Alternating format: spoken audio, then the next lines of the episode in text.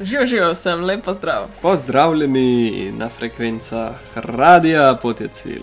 Današnja epizoda je v resnici izrezek živega prenosa, kjer smo govorili o spanju. Ja, moram vam obljubiti, da današnja epizoda je neverjetna in nepričakovana tudi po marsikaterih podatkih, ki boste danes slišali. Tako da, Uh -huh. če je slučajno zdaj lepo zvečer in ste se odločili uživati v tem podkastu, recimo ob polnoči, preden greste spat, vas moram pripraviti, da vas bo tole zatel kar močno. Super, super, take podcaste imamo radi, ki zadanejo. Važen, da zadane.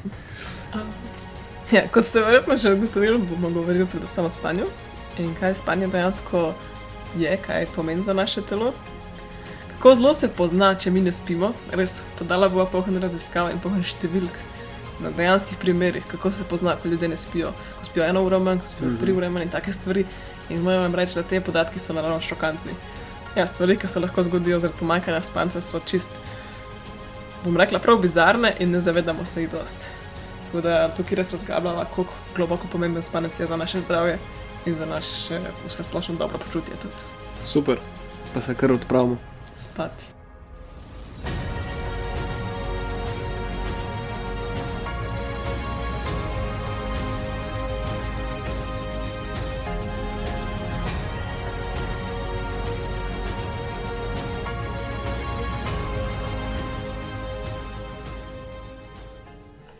Zdaj pa lahko začnemo. Cool, no, zdaj prej se, Okej. prej se zares lotva. Um, sprav skočilo bo ja, kar v en tak uh, podcast mode, se pravi, tisti, ki ste že poslušali kakšno epizodo o zdravju, veste, kako to gre. Um, jaz malo bolj sprašujem, ima, ima malo bolj odgovarjam, ampak skupaj ustvarjava neko. Čakaj, Nek to moram jaz celo povedati, ok. Ne, se ne, spanje je zelo taka zanimiva tema, ki sem tudi jaz nekaj že prebral pa poslušal, tako da bom mogoče lahko kaj pripomnil, ampak um, moja beseda je še malo manj vredna kot demena, tako da skupaj nekaj pa ustvarno.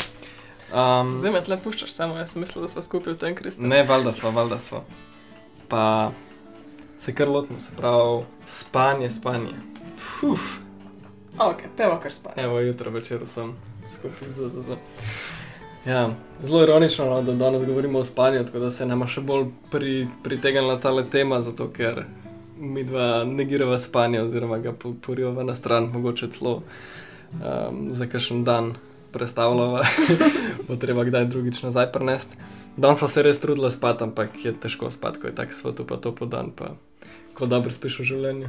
Mislim, da sva preživela vsaj tri ure ležanja v posli čez dan brez in se delala, da spiva, ampak nisva mogla spati.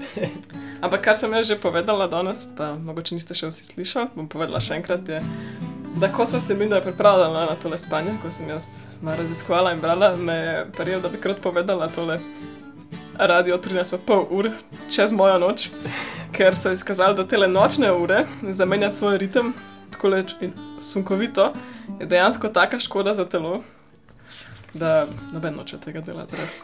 Verjemite mi zdaj, kaj vem. Malo boste pa širi. Okay.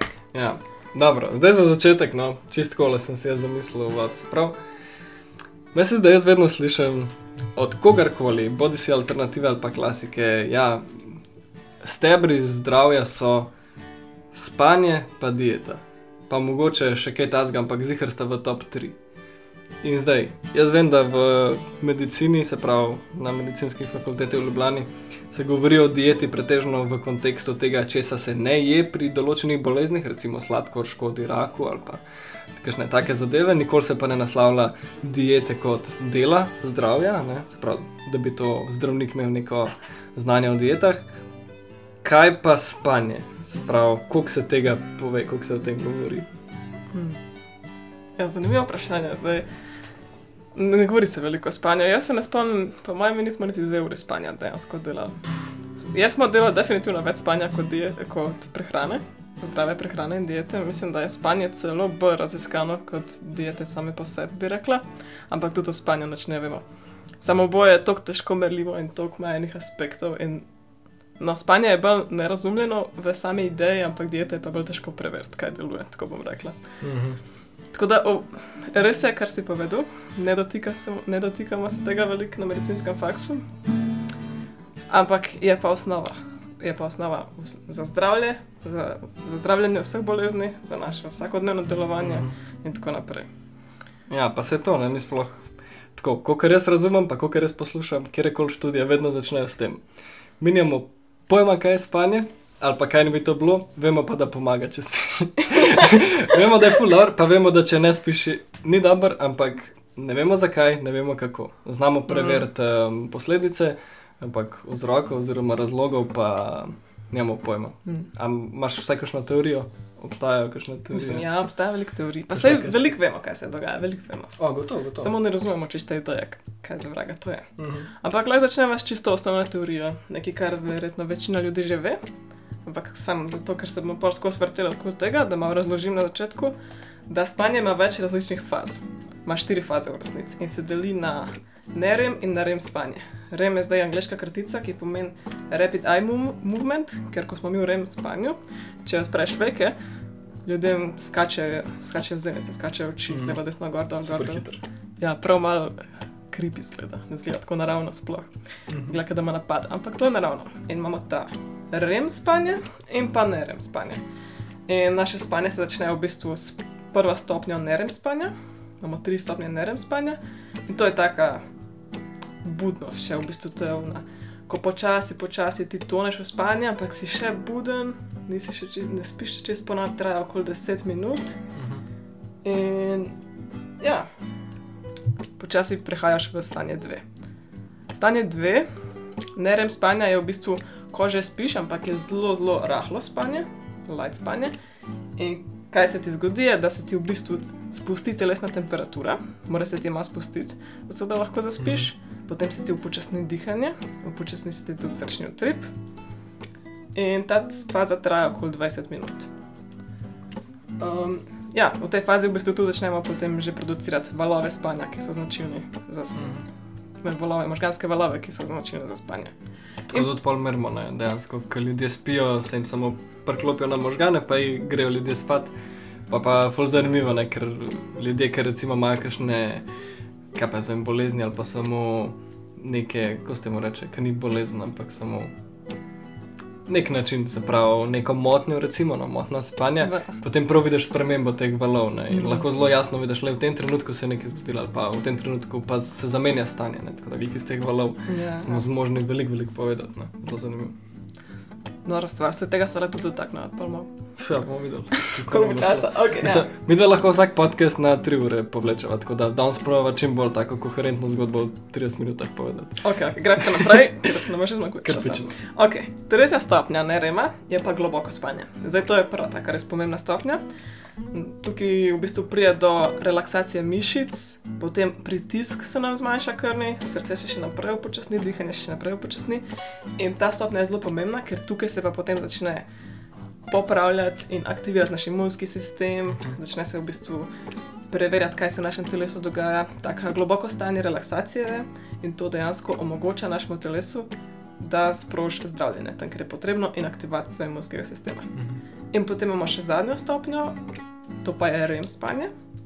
Te stopnje je v bistvu najmanj, mislim, ja.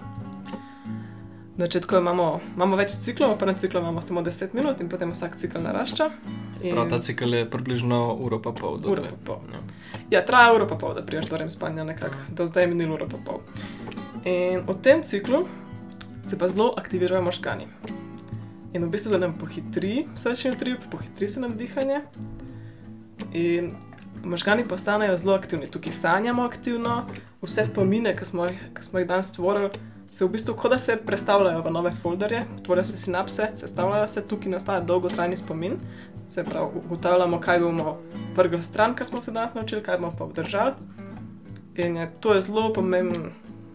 Zelo pomembno spanje za v bistvu normalno delovanje možganov. Če se ne motim, je to pol.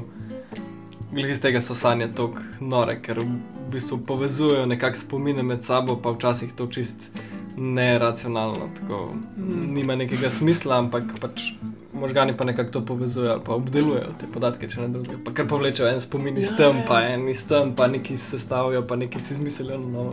pa. Ampak to je res, ne? A veste, v noforo, ker v bistvu lahko se ti tok več stvari spomniš in toliko boljš razmišljaš, enkrat, ko si že nekaj prespal. ker v resnici naši možgani s tem ukvarjajo celo noč. Mm. Celo noč, celih teh 8 ur, ko mi spimo, naši možgani to delajo. In pol ti kar najdeš rešitve potem, čeprav se nisi aktivno ukvarjal s tem. Mm. Pa to se dogaja v rem spanju. In še to je full dobra fora, da naše telo je pa kljub temu, da hitreje dihamo in se veliko dogaja, je pa naše telo zelo sproščeno in smo nemor- nepremični, immobilized, se pravi, Paralizirani. paralizirani. Mm. Taka mini paraliza. Čisto prav, ne moreš se premikati. Ok, ne moreš se Ma ful se strašno slišno. Ja. pač za ta čas, vse če se zbudiš, se lahko premikaš, vse v redu. ok, tako da smo si pogledali, kako zdaj to zgleda. Um, ja, kot omenjeno, globoko spanje in to REM spanje sta tista, ki se bomo največ dotikali, te da sta najbolj pomembna. Te da sta tudi tiste dva, ki trpita zaradi raznih vplivov, se pravi, ko pride do pitja alkohola, kave, spalnih tablet in tako naprej. Mm. In brez njih dveh mi ne moremo življenja. Ja, cool. Me samo še zanima, a je še kakšen proces, ki ga poznamo, se pravi, da se možgani nekako uh, pucajo na kjerkoli način ali pa kaj tasga, kar lahko umirimo, da se dogaja. Sprav, mislim, vem, da se čist na način, da se neke celice oziroma neke zadeve odstranjuje, a mogoče veš kaj točno. Ja, ja, dejansko v globokem spanju pride do tega, da se čistijo toksini iz možganov. Mm, v bistvu cool. kot en detoks možganov, hkrati se dogaja. Zniža se krvni pritisk, kot sem že omenila, in pa dela se regulacija glukoze in inzulina v krvi. Mm, cool. Cool, cool. Ok, zdaj um, klele se Miki že oglaša, da bi šel v prakso, kar je zelo zanimivo, ne? ker itak, kar je teorija, mislim, da smo končala, ker vse ostalo se pa začne že navezovati na simptome, pa na stvari, ki nekako jih lahko opažamo ali pa merimo, ali pa so bile narejene raziskave. Tako da je še karkoli na teorijo, kar bi Ne, dodala. ne, gremo zdaj kar naprej. Zdaj, ko to razumemo, se lahko malo zabavamo. Ja, sprav, zdaj spanje je, kar je, ne? ampak vsi vemo, da je to ena zelo težka sestavina za vsakdanje življenje, da bi ga imeli redno ali pa a veš, da bi vsak dan šel v bistvu uri spat in tako naprej. Tako da lahko pogledamo čisto zadeve, kar se tiče neprespanosti. Pa lahko naštejeva par študij, pa mogoče mm. ob vsaki dodava še kakšen nasvet ali pa nek, nek um, izvleček, kaj pa lahko od tega potegnemo. No. Tako da, kar, kar mogoče začneva z temi malo bolj resnimi tematikami, pa pa zajadrava še na kakšno bolj zabavno. No. Okay. Za začetek bi sam rekla, sprosti se. Sliši se full grozen, ampak je simpel rešitev. pa Tudi life je zaživeti, ni to grozen. Okay. Ja, Jaz mislim, najne podatke veliko črpava od Matthew Walkerja. To je The Sleep Scientist, to je trenutno najbolj uh, vroče ime v tem svetu. No, tako da on, je, on se vse posod pojavlja, pa tudi tole njegovo knjigo Why We Sleep.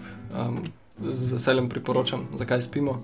Ja, se on je tudi v bistvu, on ima svoj inštitut o spanju ja. v Kaliforniji in tudi te raziskave so v bistvu večinoma potekajo na njegovem inštitutu. Pa zdaj ima tudi svoj podcast, tako da ga lahko sledite. Uf, res. Ja, ja. Oh.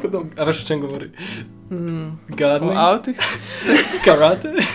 ne, ne, okay. o. Okay, okay, okay. Gremo. Jaz bom začela z eno tako prav bizarno grozno študijo Uh -huh. in to je predstavljanje ure. Vsako leto se dvakrat na leto predstavlja ura. Enkrat dobimo eno uro več za spati, in enkrat izgubimo eno uro za spati. In čist preprosto je potem pogledati številke različnih poškodb, obolenj in težav, ki se zgodijo naslednji dan po tem velikem eksperimentu premikanja ur. In kaj so rezultati?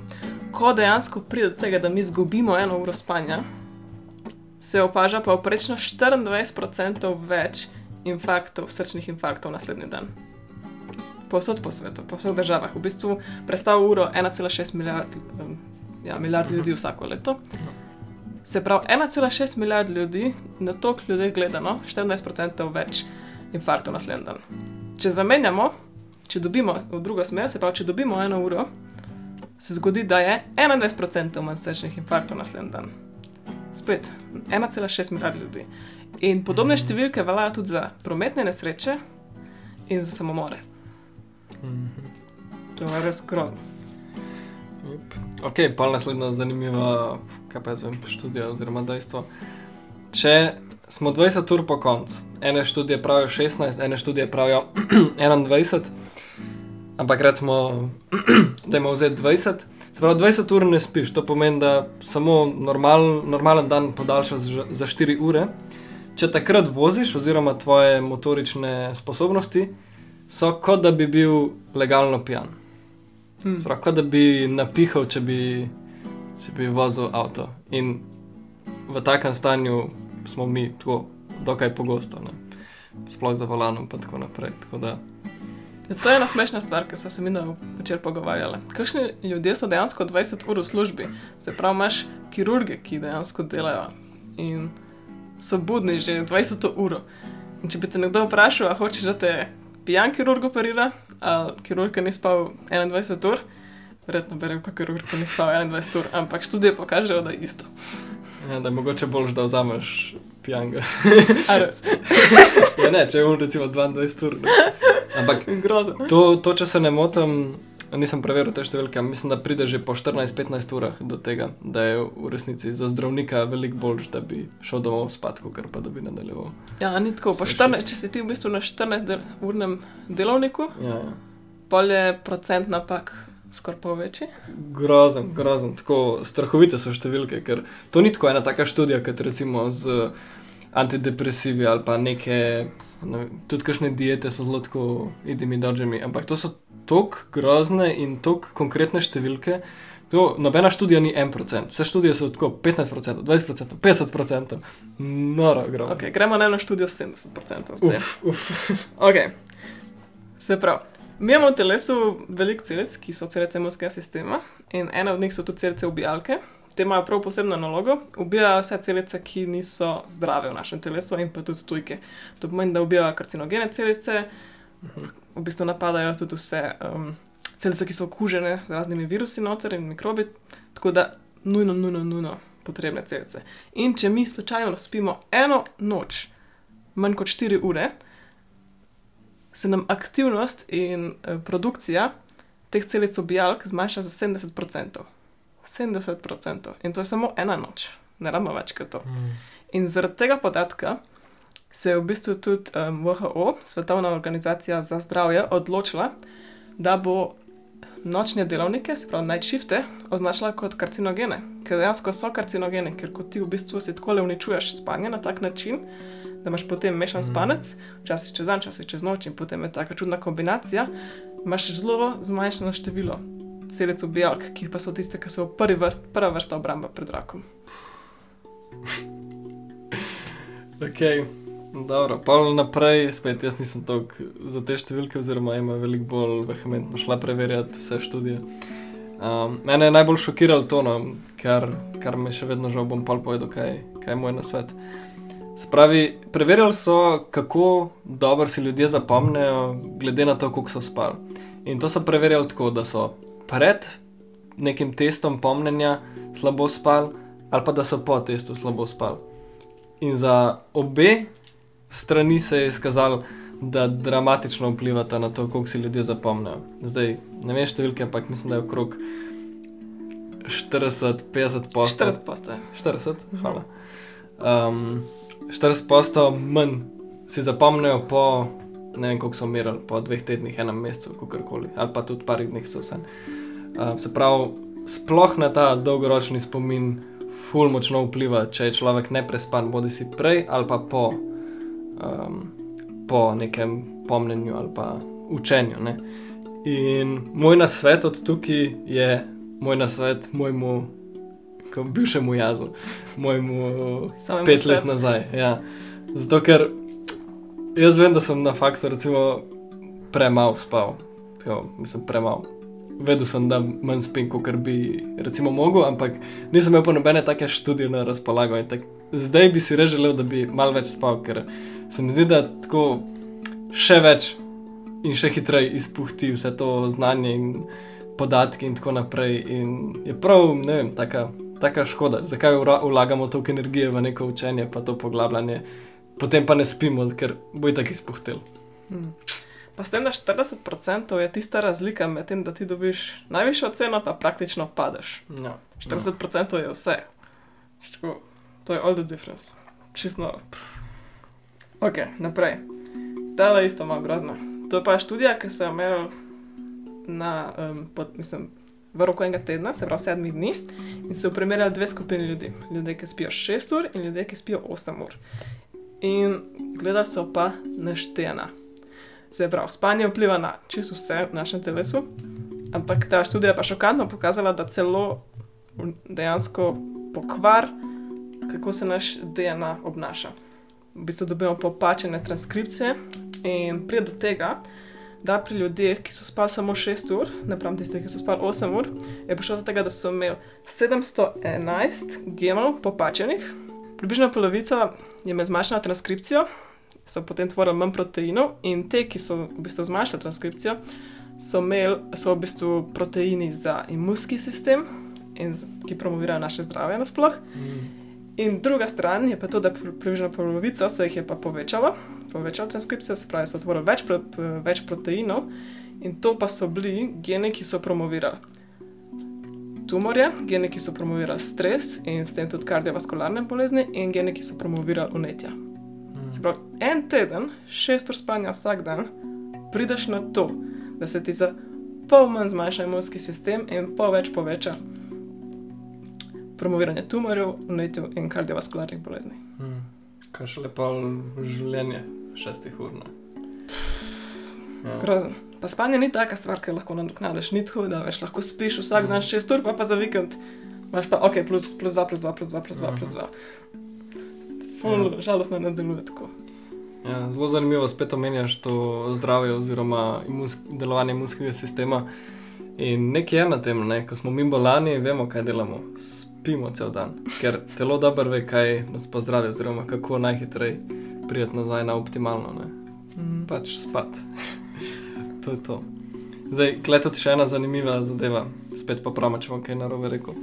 Um, recimo, če hočeš shujšati v življenju, ne, imaš v, v telesu sicer več sistemov, ampak dva pomembna hormona. Mogoče? Ja, Ja, grlim pa o, leptin. leptin. Eno ravnava lakoto, drug pa sitost. In fora je, da ko mi smo premalo naspani, se zgodi ravno to, da tale hormon, ki promovira sitost, je zavrt, se pravi, smo vse čas lačni, in pa ta, ki promovira lakoto, je pa Grelin. povečan. Ja. Hvala za dodatke. In kaj to pomeni, je, da mi hočemo več jesti, pa manj nehati jesti. In še to je, da v bistvu gravitiramo pol proti vsem tem, ko se pa reče, te um, so must, Sladkor. sladkor, ja, ja, te tri, tri glavne. Tako da smo še bolj nekako nas privlačijo te vrste hrane in a slišite, kako je to en tak začaran krog, da vse, kar boš naredil, je absolutno neshujšo. Ne? Tako da, um, če želiš dobro hujšati, recimo, da je to tvoja glavna motivacija, pač moraš spati zraven. Nekaj. Mm. Dejansko so bile študije tudi na to temo in manj ko spiš, več poješ, kot se ti že rekel, ne, ker se te hormoni promovirajo potem. In to do te mere, da ljudje, ki so spali po 7 ur na dan, so pojedli napram tistih, ki so spali 8 ur, so pojedli 350 do 500 kalorij več in še posebej so hoteli več cukra. Mm. Kaj pa je kar To je pa že kar nekaj, ne? to je tako Ja. lahko, ne vem, ena osmina ali pa Ja, še več, ja. še več, ja. Grozno. Ne, koliko je za normalnega človeka. To je razvelik. Hudo. Ok, ja, pol ena zanimiva stvar je tudi to, da če ti spiš manj kot 5 ur na dan, imaš dokazano 200 do 300 odstotkov večjo možnost, da fašeš prehlad, Hm. da se okužiš dejansko, ker imaš tako slabši imunski sistem. Wow. 200 do 300 odstotkov, to je tako. Wow, kakšne so to številke? No, pa to ni tako nenavadno, vse se zgodi 5 ur, 4 ure. Ja, ne vem, meni se ne zgodi več nikoli. Ne, ne, pa tako predstavljaj si normalno življenje, Ja, valjda, kjer imaš ker nimaš lockdowna. Ja, pa to tako neko življenje tudi nočno, ne? Hitro, Ja. pol, hitro to pol pride na Tako je, tako je. 8 ali pa 6 ali pa kdaj, ko zjutraj moraš vstati in to skupaj kombinacija je sam genialno. Cool. Naj zdaj pa povedal še tale kavni cikl, ki je tudi zelo zanimiv. Ne? In sicer kofein ima v našem telesu razpolovno dobo 6 ur, kar je kar velika številka, če tako pomislimo. In kaj to pomeni? Ne? Se pravi, če spijemo mi ob 12. opoldne, ne sprav zjutraj kavico, bomo imeli polovico kofeina, ki je v njeno ter ob 6. zvečer še vedno, in ob 12. po noč bomo imeli še četrtino tega, kar smo spili. ena kavica ne, ob 12. Zdaj mi spijemo mogoče dve kavici do 12, ali pa spijemo eno kavico še ob 3, pa ob 4. Ne, pa mogoče ne spijemo samo single shot, ampak spijemo še malo bolj, še malo več. Recimo, ne. ampak kaj hočem povedati, to, kjerkoli kava, ni samo za tiste dve uri, ko imajo efekt, se pravi, ko je dovolj kofeina, da nam naredi ta spike, se pravi, da poveča našo budnost ali pa nekakšno koncentracijo ne, na življenje. Ampak se to zgodi, da ostane v našem telesu. In če gremo mi spat, relativno normalno, ne pa da smo mi pili relativno pozno kavo, to pomeni, da bo naše telo še vedno vzbujeno, se pravi, bomo bodi si težje zaspali, ali pa če bomo zaspali, bomo težje šli v globok spanec, ker bo še vedno telo vzburjeno. In to pomeni, da bomo kasneje prišli v nek ta no normalen ritem. Se pravi, recimo po dveh urah, namesto po eni uri, potem, ko zaspimo, mm. čist na primer. Ne? In potem se bomo zjutraj zbudili, enostavno ne prespani, oziroma ne naspani, zdaj pa. Predstavljaj si, da je to. Lahko še skočim, tle, uh -huh. prosti. Dejansko kava direktno vpliva na rem spanja, tako da Aha. ti nimaš rem spanja kot posledica kave. Imáš uh -huh. deep spanje, svoje globoko spanje, imaš vse ostale vrste spanja, ampak nimaš pa tega rem spanja, ki stimulira močno aktivnost možganov in stanje uh -huh. s tem. No, kofein, ne kava. Mislim, ja, kofein. Ja, kors kofein. No, in ja, kaj se zgodi, ne? recimo, da zjutraj moraš spet vstati na novo, boš veliko bolj utrujen, kot če ne bi spil tiste kave bolj pozno. In ker si utrujen, kaj boš naredil, jaz pil boš dvojno dozo kave. Ne, potem boš mogel še eno kavo spiti, še kasneje, da boš mm. lahko naslednji dan preživel. Ne, in potem boš še, še slabši naslednji dan spal. In hitro pride v ta cikl, ko ljudje ne morejo brez kave, ker dejansko ni zmožno telo, ni, ni dovolj naspano, da bi lahko funkcioniralo na nivoju, ki je potrebno. In to je čist tak zelo fiziološki odziv in tako brško nezasvojenost. No, Sej to je tako zelo mm. pojem, težek pa velik, no, ampak težka zadeva, hiter priješ v ta ja. cikl. Da, da priješ ven, ne vem, kaj narediš, par dni, totalno noč. Ali... Sam spiš. Ja, narediš si unik, kjer lahko spiš teh mm. šest, mm. oziroma sedem do devet ur, ki priporočajo. Ne. Ja, ja, no, vse bo še šla na priporočanje, ampak jaz bi se pa še drugega cikla dotaknila dokler ga pa tudi rado pride in to je kombinacija kave in spalnih tablet. Hmm. Zdaj, veliko ljudi trpi za insomnijo, se pravi, da je ta bolezen nes nespečnosti, ko niso zmožni zaspati, še posebej pri starejših je to vse bolj pogosto, ker starejši ljudje spijo vse manj časa v teh globokih spancih in remu, in vse, manj, in vse več časa v teh lahkotnih prvih fazah spanca. In potem pride do tega, da kakšni začnejo imeti tablete za spanje. In tablete za spanje v resnici so sedativi in ne pomagajo tebi spati, oni te sedirajo, se pravi, padeš v nezavest. Omamijo nekaj. Ja, omamijo te. In kaj se zgodi, ne pridejo do teh naravnih ciklov spanja, se pravi, ti ne greš v globoko spanje, ti ne greš v rem, ti nimaš nobenega tega bonusa, ki bi ga telesu v bistvu spanje dalo, zaradi tega, ker si sediran. In naj, najhujša kombinacija, po mojem mnenju, je ta kava in pa te sedativi. Ker kaj se zgodi, je potem, da ti zjutraj spiješ kavo, ker te, sedativi še malo držijo od včeraj zvečer, ko si jih pojedel. In moš nujno kavo, da se lahko zbudiš, in pa zvečer ta kava še vedno malo drži in rabiš sedative, mm. zaradi tega, da tisto kavo še malo zbiješ in potem promovirate drug drugega, kava in sedativi.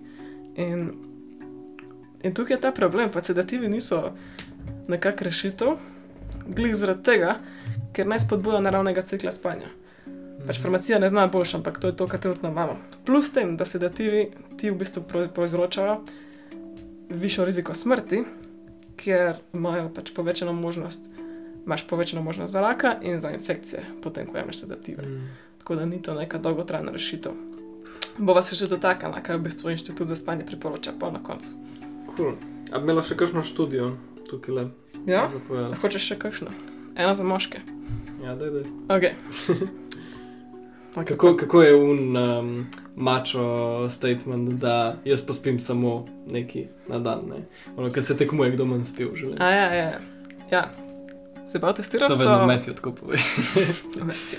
testiraš samo moške, ki spijo manj kot 5, se pravi 5 ur ali manj, in pa moške, ki spijo 7 ur ali več. In se je skazalo, da moški, ki spijo manj kot 5 ur, imajo bistveno manjša jajca.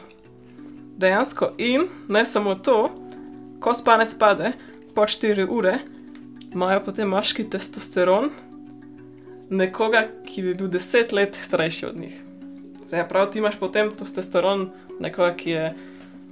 Ne vem, če si 20, imaš testosteron 30-letnega, če si 50, imaš testosteron 60-letnega. Se pravi, naj, najbolj moškost ti je oduzeta s tem, da ne spiš. Mm. Ja. Enako Cool. velja za ženske. No, če sem povedal za nas. Ampak za ženske tudi velja tudi te nivoje testosterona, pač to oboje rabimo. No. Ja, ja, ja, ne, za ženske enako velja, saj ti pravim. ja, ne za estrogen. No, ampak Ja, ja, za ja, ja, testosteron. pač ja. Zakaj pa je testosteron pomemben tudi pri ženskah? Kakšno vlogo igra?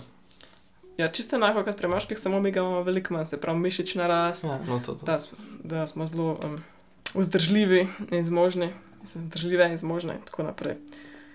Tudi slabo seksu, to vse je testosteron v Mhm. resnici. Imaš še kakšno zanimivo, lahko se pa lotva še na svetu, še kakšno za konec. Teh, Okej, ja. teh vseh naštevanj. Ali pa Lahko. dve, no, kaj pa Mm, Da, da, bom, bom, bom tako končala. Zdaj, vse splošno kažejo študije, da manj spanja pomeni manj življenja.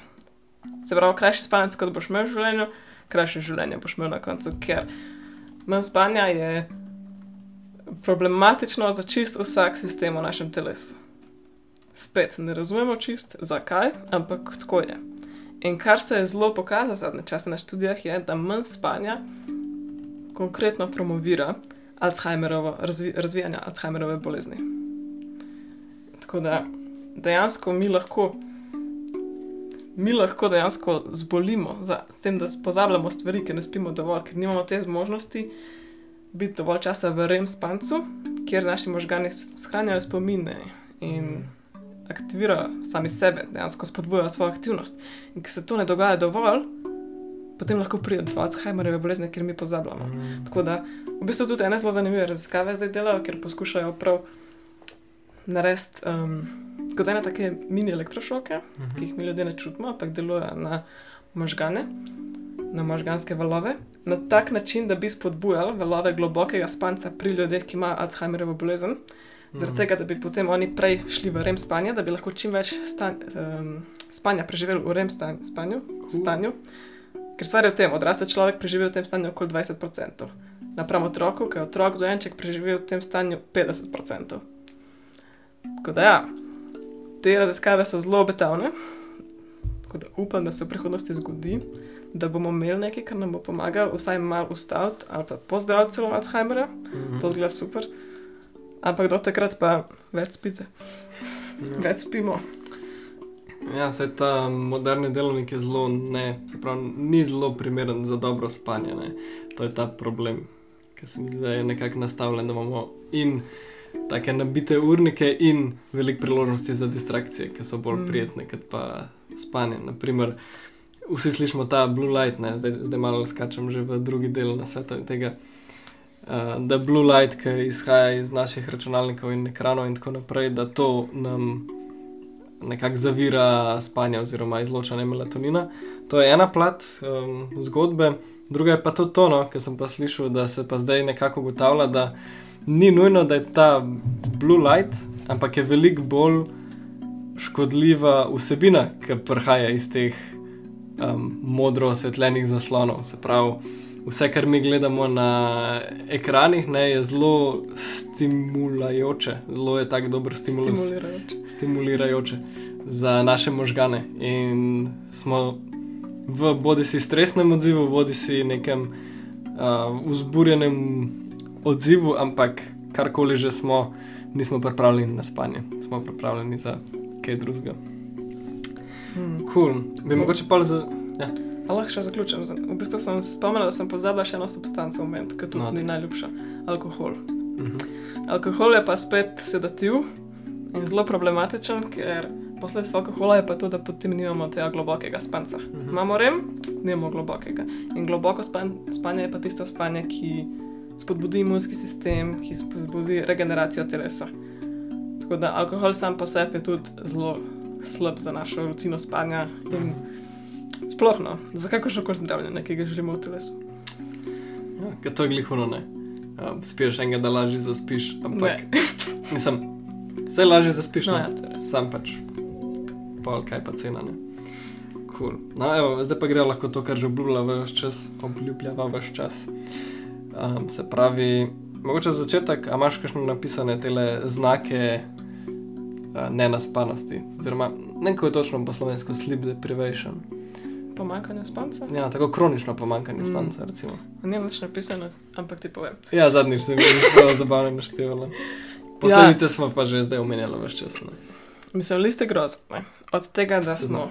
Seznam je grozen. Hvala. Od tega, da smo balačni, bolj sitni, bolj depresivni, zelo hitro se iritiramo, hitreje bomo naše probleme, v bistvu zelo vpliva na naše mentalno zdravje. Dejansko um, možnost, da postanemo depresivni brez spanja, je toliko više, ne spomnim se številke, ampak tudi to sem že tudi to sem prebrala, so bile študije narejene. Naše mentalno zdravje je direktno povezano z spanjem. To je najboljše, najboljši, antide- en od najboljših antidepresivov, ki jih lahko vzameš. Mhm. Tako da takoj se pozna na mentalnem zdravju, potem naše kognitivne sposobnosti so slabše, naš spomin trpi, mi se ne moremo spomniti tako dobro, nimamo Mhm. fokusa dobrega. Mhm. Sprav, kar zdaj vidimo je, da po enem dnevu, mislim, po, ne, po kronični deprivaciji spanja, se to najbolj pozna na naših možganih, na kakršnem koli mentalni Mhm. aktivnosti.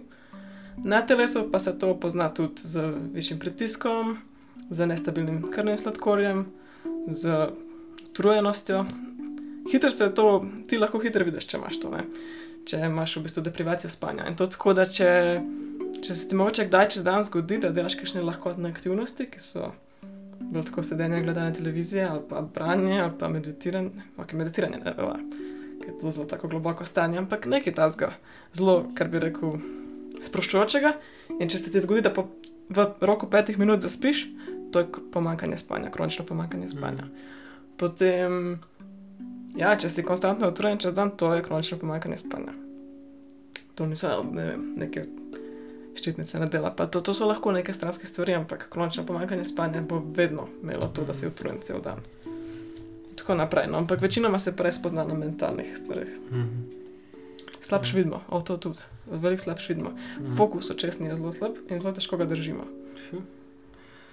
Cool, mislim, vse to vsak pri sebi hitro ve. Sej, ono, ko si ti kar oči zapirajo, mislim, to je že tako zelo Mm. simpel znak, ne? če moraš nekaj gledati, kot si rekla, fokus, tisto več kot pol ure, pa rabiš za potrebce. Ne? Um, ampak se mi zdi to kar jasno, vsak pri sebi lahko ve, a je dosti spal ali ni. Pa zdaj mogoče, če kar skočiva na, na sveti ne? za dobro spanje, oziroma boljše pač zdaj tako. Prej greva naprej, ne? to vse je zelo teoretično. Vsako življenje je kot je in vsak, ki ve to, kar smo zdaj govorili, ali pa vsak, ki sliši te študije, ima samo eno vedenje več, odločitev je pa še vedno od vsakega posameznika, ker ni pojem, da se zdaj mi držimo vseh teh zapovedi in ugotovitev raziskav, ampak pojem je, da živimo življenje. In zdaj, kaj so naše prioritete, pač kam želimo dati energijo, kam želimo svoj čas nameniti. A nam je vredno riskirati na tak način ali pa drugačen, se pravi, to, da ne vem, ljudje, ki manj spijo, prej umrejo. Jaz sem šel računati, se bolj splača dlje živeti, pa več spati. Ja, si šel računati. ja, ja, boljši vsak dan imaš, če si naspan, ne. Mm. Recimo teh 16 ur, ker si bil na mestu 18 takih poprečnih ali pa podpoprečnih. Ja, res toliko več lahko vzameš od tega dneva, toliko bolj Ja. globjega lahko doživiš. Ja, Čisto no. Kakorkoli. Uh, vsak ima svojo odločitev in vsakeč sproti lahko zbiramo, kaj bomo zbrali. A gremo spat ali gremo ven, a gremo piti alkohol ali gremo piti vodo. Pač vedno imaš odločitev in ni, ni to pojem, da se držimo vsega tega, tudi to, kar bo zdaj šlo na nasvete. To so samo nasveti. Če imaš možnost to upoštevati, super, če nimaš, tudi super. Pač, Pa če nočeš, super. ja, mislim, življenje je življenje in je za živeti, ne za poslušati znanstvenike. Ja, pa to je meni vedno všeč reči, da mi živimo zdravo, zato da lahko pol živimo zares. Tako da vsakeč, ko prekoračiš zdravo, je to zato, da lahko živiš, mislim. Zato, ker hočeš živeti zares, ker Mhm. hočeš izkoristiti. In drug čas pač, to je moj osebni moto. drug čas se jaz trudim živeti zdravo, zato da takrat, ko mi je vredno, lahko delam, kar hočem. Mhm. Ok, pa gremo. Cool. Ajde na sveti, kaj, kaj narediti, pa kako bolj spati. BE je prva in sveta stvar regularnost. Mm. Pravim BE, zato ker jaz ne spim zelo regularno. Ampak, no, vse mogoče, ne vem, kaj točno velja za regularnost, ampak koliko je to opisano, kot na inštitutu za spanje to opisujejo, res, da greš isto uro spat, isto uro ostaneš, vsak dan v tednu, tudi za vikende. Sprav, da imaš takšno kvaliteto spanja, da ne rabiš za vikende tri ure več spati vsak dan. Mhm. In da to je najboljši način, da svoje telo, prvo, dovo, je, da tvoje telo dovolj naspano, in drugo, da ga naučiš, kdaj se spi in koliko se spi. In prideš do te stopnje, da potem ne rabiš budilke, ker je telesu to naraven ritem. In to je čist. O, čisto, dejansko se telo začne zbujati ob isti uri, ker je to navajeno. In s tem tudi da stimulacijo telesu. Ne? Ob tej uri bomo zaspali, ob tej uri se bomo zbudili. In s tem se tudi ne dogaja to, da ga še posla, pa potem ne moreš zaspati tri ure, pa tri ure ne moreš zaspati, pa tam samo ležiš, pa se premikaš. Ker telo se zelo hitro uči, naši možgani se zelo hitro učijo.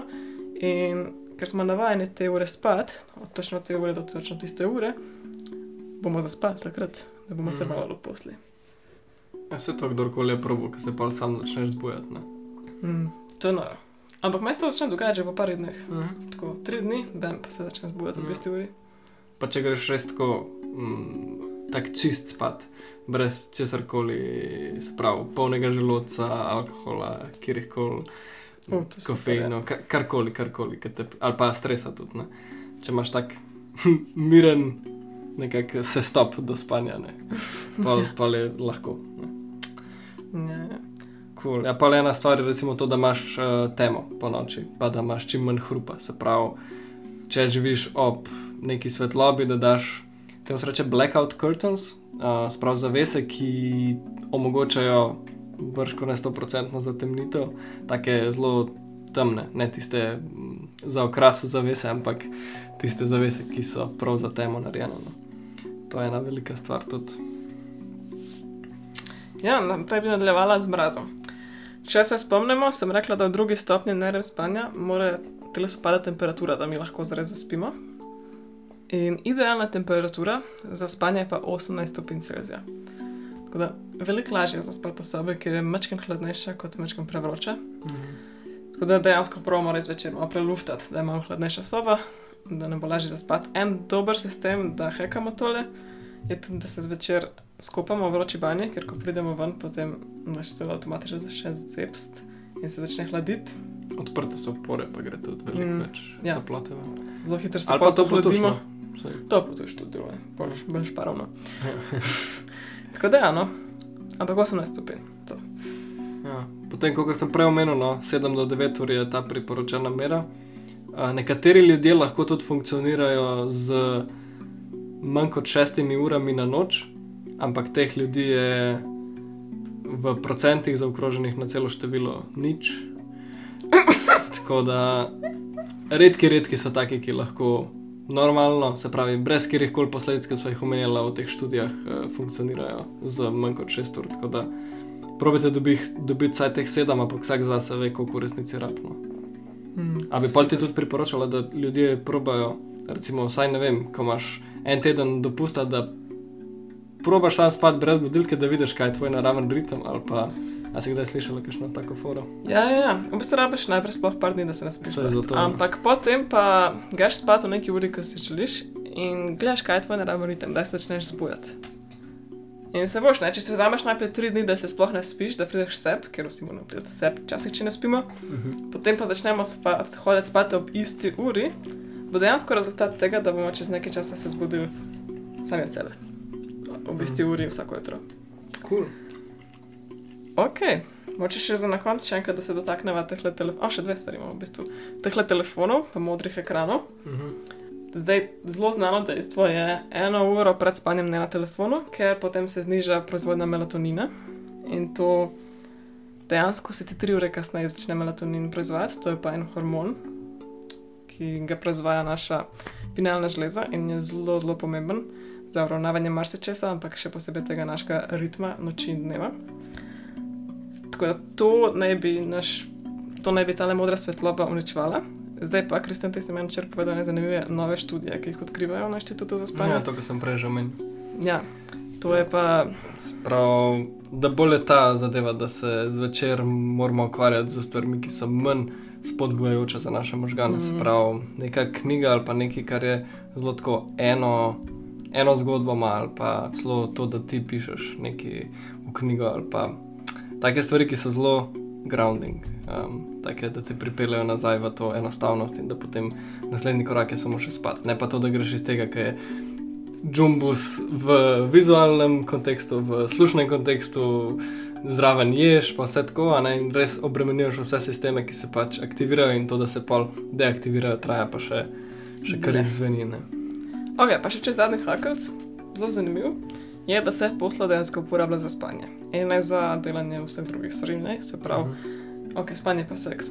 Ampak ne da potem gledamo filme o posli ali pa beremo o posli in take stvari, Mhm. ker s tem našim možganom dajemo asociacijo in jih naučimo, natreniramo, da posla ni samo za spanje, ampak da je posla tudi za druge stvari. In lahko pride do tega, da potem naši možgani, ko se uležemo v pošlo, si mislijo, o, mogoče bomo pa zdaj brali, o, mogoče bomo pa zdaj gledali film, ali pa mogoče bomo pa jedli. In niso pripravljeni na spanje. Mhm. In sem tudi slišala že z ljudi, ki so rekli, da so si ozdravili insomnijo samo s tem, da so dejansko hodili v poslo samo spat, Mhm. No, da niso delali drugih stvari. Cool. Full dobro. Kar se tiče resnega dela podcasta, mislim, da so lepo pripravljali do konca. Jaz imam še ene par fun faktov, tako da jih lahko. Še jih imaš? Okay. Ne, ne, to so čistko random, samo o spanju. Tako da, imaš ti še kaj zabavnega, kaj boš zraven? Ali kar jaz grem. Mislim, da ima dost. Ok, no, čistko um, na temo spanja. Naj, najmanj v živalskem svetu spijo sloni. Tigri spijo isto časa kot dojenčki. In ko dojenčki spijo, 20 ur. Ja, ja, večino dneva. Pol, v 17. stoletju je bilo zelo normalno, da so se ljudje zbujali sred noči, tam nekje okrog 2-3 in bili po koncu nekaj ur.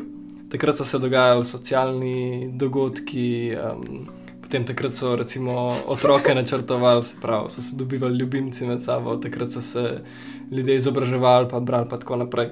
In to je dejansko zelo podprto s tem dvojnim ciklom, se pravi, da mi spimo nekaj ur, pa potem smo malo budni, pa potem spet nekaj ur.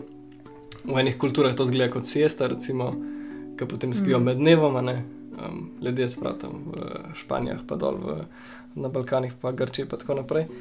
Um, tako da, ful zanimivo. No. Dejansko je to tudi eden od ritmov, ki jih imamo, ampak moderni svet pa pač promovira sam tega. Ne. Enkrat spat, pa enkrat se zbudiš. Tako da, ful zanimivo. In to se verjetno starejšim ljudem dogaja, ne? Ja, ja, Oni se to. zbudijo po noči in potem delajo stvari in je dejansko en naraven ritem starejših ljudi. Ja, in nič ni narobe s tem. Pač, če se zbudite, bodite malo budni, in pa ko ste zaspani, spet greš nazaj spat. Če nimaš pač nekih obveznosti, da moraš biti spočit zelo zgodaj. ne. Pazi to. Okay, Um, dan danes 75% ljudi sanja v barvah. ja? Pred izumom barvne televizije jih je samo 15%. Kva? Čakaj, kako, kako to vprašaš ljudi? O čem pa ti sanjaš? Ja, barvah? Črno-belo. Jaz se spomnim predstavljam, da sanjaš črno-belo. Hudo. Ampak pazi, se pravi, barvna televizija je povzročila to, da so ljudje začeli barvno sanjati. Ampak mi imamo barni svet okoli sebe, zakaj je barna televizija Lej. tista, ki potem... Kakšno zanimivo, kakšno zanimivo pojav, res. Včasih mi je to Ja. zanimivo gledati. To je človeški obstoj. Okay, pazi to. Um, medvedi, oziroma medvedke, lahko skotijo mladičke med hibernacijo.